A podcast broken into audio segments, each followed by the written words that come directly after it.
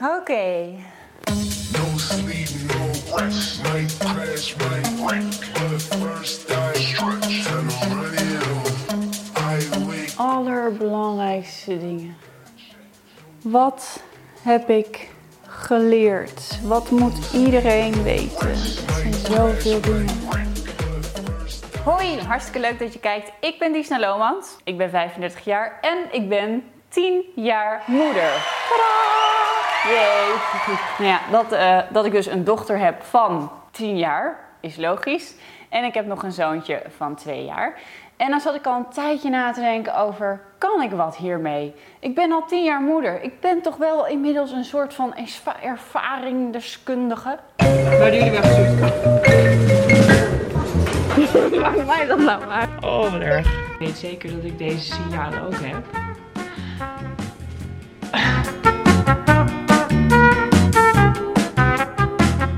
Nee, zo zie ik mezelf natuurlijk helemaal niet. En ik wil ook alvast even zeggen voordat je verder kijkt. Ik zeg nooit dat het bij een ander hetzelfde is. Het is namelijk echt bij iedereen anders. Alle combinaties tussen ouders en kinderen zijn anders. Dus ik wil niemand over kam scheren. En ik vertel echt alleen uit mijn eigen ervaring hoe ik de dingen interpreteer vanuit mezelf. En wat bij mij geholpen heeft. Dus de 10 wijze lessen uit deze 10 eerste jaren van mijn moederschap ga ik in deze video met jullie delen. Ik hoop dat jullie het leuk vinden om te zien. Het is dus niet alleen maar voor mensen met kinderen gemaakt, maar misschien ook wel juist voor mensen die nog moeten beginnen aan kinderen. Voor iemand die misschien net in de beginperiode zit. Dat soort mensen. Oké, let's go. Wat is mijn allerbelangrijkste les uit deze eerste 10 jaar? Ten eerste gaat het eigenlijk een beetje over wat ik net vertelde. Dat kinderen en ouders allemaal anders zijn en dat dit vaak te maken heeft met de combinatie. Vaak hebben namelijk dingen toch wel invloed op hoe jij je gedraagt, op hoe jij over dingen denkt, o- of waar jij bang voor bent, wat je angsten zijn. Vaak zijn al deze dingen zo'n sterke factor die je kinderen van je overnemen en Vervolgens kan je dat dan weer lastig vinden om terug te zien bij je eigen kinderen. Wat ik zelf echt heb ervaren. Ik was namelijk best wel vaak gestrest. Een beetje rennerig, een beetje geïrriteerd, een beetje verkeerde invloeden naar buiten aan het stu- sturen. En dit heeft dan ook direct effect op de kinderen. Dat zie je direct. Dus op een gegeven moment dacht ik, wacht eens even. Als ik nou zelf wat meer aan mezelf ga denken, wat meer het goede voorbeeld geef, dan nemen ze dat misschien over. En bam, dat was echt mijn les 1. Dat heb ik echt serieus pas het laatste jaar ontdekt. Kan je nagaan, zit ik al in mijn tiende jaar. En natuurlijk zijn er wel allerlei opvoedtechnieken enzovoorts. En de dingen die ik heb gelezen in boekjes, die werkten vaak ook wel. Zoals schemaatjes opstellen, positief opvoeden. Dus eh, schemaatjes maken met stickertjes, allemaal gedaan. En ze hadden ook wel effect. Alleen mijn spanningsboog is vaak niet zo lang. Dus op een gegeven moment dan verwatert het. En dan gaat het weer een tijdje, ja, bergafwaarts wil ik niet zeggen. Maar dan laat ik het gewoon weer eventjes gaan voor wat het gaat. En zo is eigenlijk een beetje de ballon, ballons, de balans bij ons thuis. Onze balans is een beetje, eh, hier heb je zeg maar streng. Hier heb je zeg maar niet streng.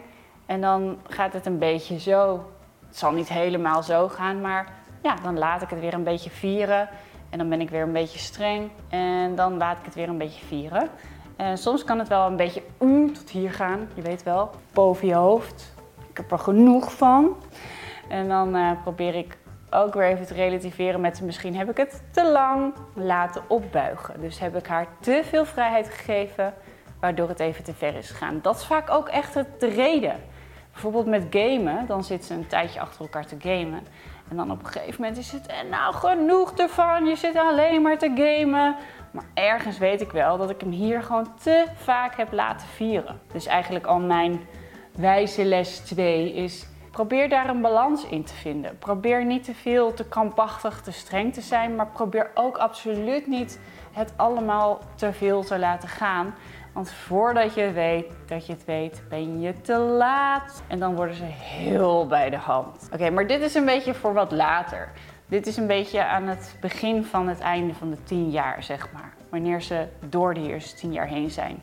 Dan komt er zo'n nieuwe fase, een beetje pre-puberteit fase. En daar zit ik nu heel erg in. Maar ik heb nog eentje en dat is een peuter. En daar beleef ik ook alles weer opnieuw. Dan heb je natuurlijk als eerste de eerste twee jaar. Oké, er zijn misschien heel veel moeders die hierbij heel braaf gaan zeggen dat het allemaal wel meeviel. Dat kan. Natuurlijk zit daar verschil in. Maar één ding was zeker. Het was zwaar. Het was een motherfucking twee jaar. En het is gewoon, als je even weg bent van huis, is het gewoon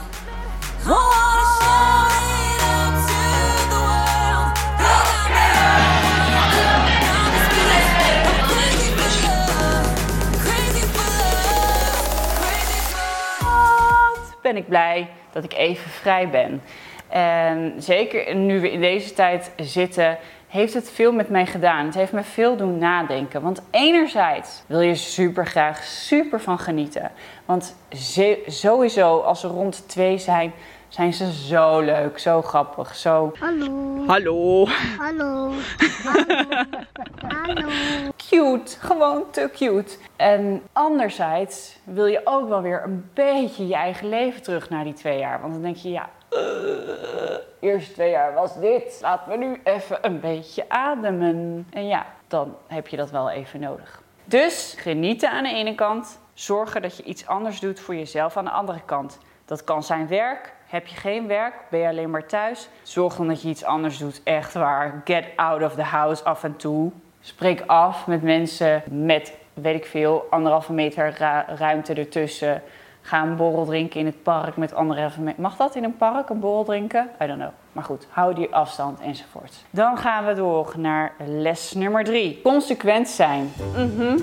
Vanaf baby af aan, nou ja, goed, oké. Die eerste maanden kun je ze niet verwennen. Consequent zijn. Hoe hou je dat nou vol? Ik ga ook vaak de fout in dat ik denk van, oei, ik ehm, had eigenlijk al nee gezegd en nu ga ik het toch doen. Eh, dat is het vooral. Als je eenmaal nee hebt gezegd en je gaat het toch doen, ga je een soort bruggetje over.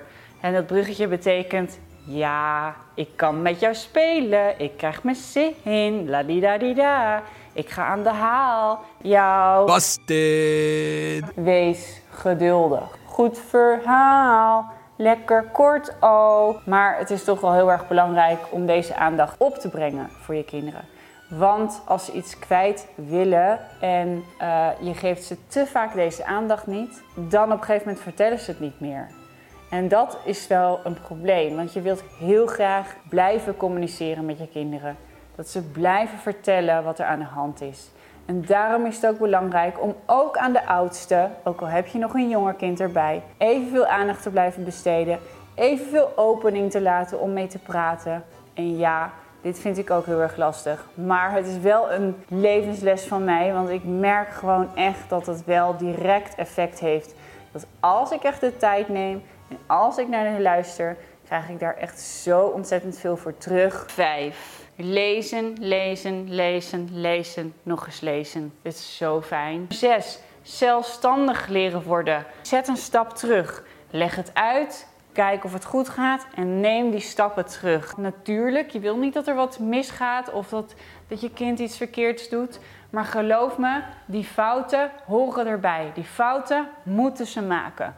Want het leven gaat als ze ouder zijn ook nog genoeg moeilijke momenten hebben.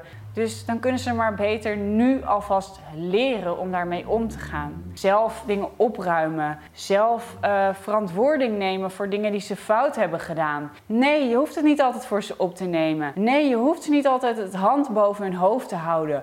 Alsjeblieft, hou hiermee op. Laat het gaan. Het is echt een betere manier om ze te confronteren met dingen en om ze er zelf een oplossing voor te laten bedenken. Was ik nou zes of zeven? Nou oké, ik doe maar even zes. Misschien heb ik er dan twee. Twee dubbele, één dubbele.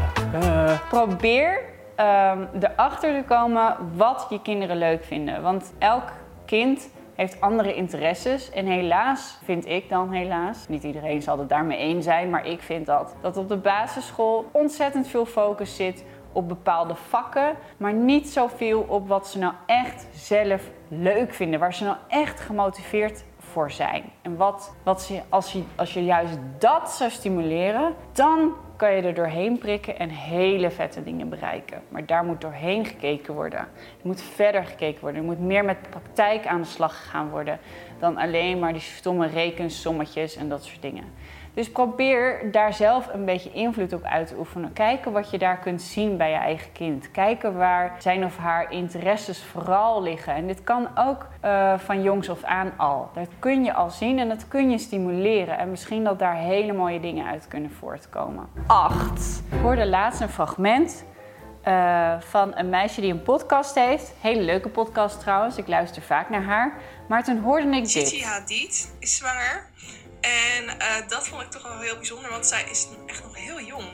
Nou, heel jong, dat is misschien ook overdreven om het zo te zeggen, maar um, ik ben zelf 27 en uh, ga de komende jaren ja. nog geen kinderen hebben. En zij is 25 jaar. Dan begin ik een beetje te denken aan er wordt zo ontzettend veel gefocust op wat je wil bereiken in je leven. En ik heb er zelf voor gekozen om jongmoeder te worden. Dit was gewoon echt een bewuste keuze van mij. Ik wilde jongmoeder worden, no matter what. Ik vond het ontzettend leuk. Um, en je kan soms ook gewoon iets voelen, dat je iets wilt. Um, ik had mijn opleiding inderdaad niet afgerond. Ik had wel de baan die ik wilde en die wilde ik ook behouden. Dus ik had wel eerst uitgezocht of ik die kon behouden met zwangerschap. Dat lukte.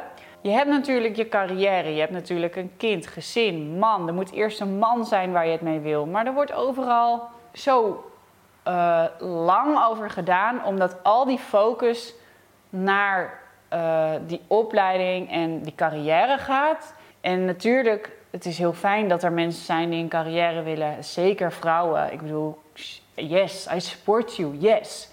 Maar denk niet dat een kind het einde van de wereld is en dat het dan stopt of zo. Het is niet zo dat je dan niet meer kan leren. Het is niet zo dat je dan niet meer kan verder bouwen aan je carrière. Het is niet zo dat het altijd in die volgorde moet van opleiding, carrière, kind. Dat hoeft helemaal niet. Het kan ook gewoon zijn opleiding, kind, opleiding, carrière. Dus wat ik zou zeggen, als jij als vrouw voelt dat je heel graag ooit moeder zou willen worden, ga dan toch iets sneller erover nadenken of je dat zou willen. En wacht niet um, totdat je eenmaal carrière hebt gemaakt. Want dit kan ook wel heel lang gaan duren in deze tijd. Volg gewoon je gevoel. Volg je, in, volg je intuïtie. Dat heb ik ook altijd gedaan. En bij de eerste was ik echt direct zwanger. Toen was ik jong. Bij de tweede heeft het zeven of acht maanden geduurd. Toen was ik wat ouder. Daar kan ook een link liggen. Maar ik vond deze periode, ik heb het gelukkig niet zo erg meegemaakt als sommige vrouwen. Soms hoor je wel eens twee jaar, drie jaar. Maar het was wel echt even het benoemen waar dat dit geen leuke periode is. Je bent er onwijs veel mee bezig. Het slokt je helemaal, slokt je helemaal op. Kan je ook helemaal niet meer focussen op je carrière. Ja, en dan het allerbelangrijkste om te onthouden van mijn wijze les is ja, let it go. En alsjeblieft, luister niet te veel naar tips van anderen. Aan de ene kant is het natuurlijk, ben je er ook naar op zoek, zeker in het begin. Je wilt advies, maar je wilt wel goed advies. En je wilt niet zomaar een losse vlodder mening en daar, daar zijn er namelijk al zo ontzettend veel van. En dit werkte bij mijn kind. En dit werkte bij zus. En dit werkte bij zo. En daar was dit middeltje goed voor. En daar was dat middeltje goed voor. En oh, het gaat gewoon helemaal in je hoofd. Ik moet dit en ik moet dat. En ik moet zus en ik moet zo. En ondertussen weet je gewoon eigenlijk helemaal niet meer wat je nou eigenlijk moet doen. Dus als je naar al deze tips gaat luisteren, probeer dan te focussen op één of twee mensen waar je gewoon het vertrouwen in hebt dat zij um, er vertrouwen in hebben dat jij het goed doet. Laat ik het zo zeggen. Dus bijvoorbeeld advies van je moeder kan fijn zijn als jij er vertrouwen in hebt dat zij jouw mening voorop zet. Maar alle andere mensen die vinden van alles en dat, daar kan je gewoon helemaal niks mee. Als het voor jou goed voelt, dan is het gewoon de beste manier. Als jij het nodig vindt om een heel schema op te hangen en elke dag het hele schema na te leven en alles op een bepaalde tijd te doen, dan is het goed. Dan heb je dat waarschijnlijk zelf uitgevonden dat dat het beste werkt bij jouw kind. Maar als je alles gewoon lekker laat gaan en het gaat zijn gangetje en jij zou niet moeten denken aan een schema, dat maakt ook niet uit. Als jouw kinderen dat gewend zijn, als zij daar goed op gaan, dan is er niks aan de hand. Pas als zij structuur nodig hebben, doordat er bijvoorbeeld een probleem is in de opvoeding of iets anders, dan zul je gewoon echt even eh, advies moeten inwinnen van een specialist. Die kan je daar natuurlijk veel beter in adviseren dan jouw vrienden, familie of wie dan ook. Nog een aller, allerbelangrijkste laatste les. Probeer je kinderen ehm, niet onzeker te maken met je eigen onzekerheid. Diëten volgen en bepaalde opmerkingen maken over zichzelf en over afvallen over zichzelf. Dat dit zonder dat je het in de gaten hebt echt een ontzettende verkeerde indruk geeft op jouw kinderen. En dat deze ook op een bepaalde manier daardoor naar zichzelf gaan kijken. En dit kan wel eens hele vervelende gevolgen hebben. Kan hè? Ik ga natuurlijk niet uh, zeggen dat dat bij iedereen zo gebeurt. Maar het kan en het risico wil je natuurlijk niet lopen. Ik heb echt wel dat rugzakje. Dit kan iets zijn waardoor je in je leven gewoon dankbaarder bent. En ik blijf niet meer hangen in de dingen die ik heb meegemaakt. Ik zie het juist als iets waar ik gewoon trots op ben. Omdat ik gewoon nu weet wat het mij heeft gebracht en wat het me voor lessen heeft gegeven. En inderdaad, dat laten vallen, dat meemaken van dingen, het is ontzettend moeilijk. Maar het is denk ik wel de belangrijkste boodschap die ik wil geven. Laat ze af en toe gewoon lekker even op hun bek gaan. Laat het gebeuren, laat het gaan. Het maakt ze sterker en leer ook van je kinderen. Denk niet dat jouw kinderen alleen maar jou moeten zijn. Dat hoeft niet. En al helemaal niet de verbeterde versie van jou of de persoon die jij niet hebt kunnen zijn. Nee, dat werkt niet zo.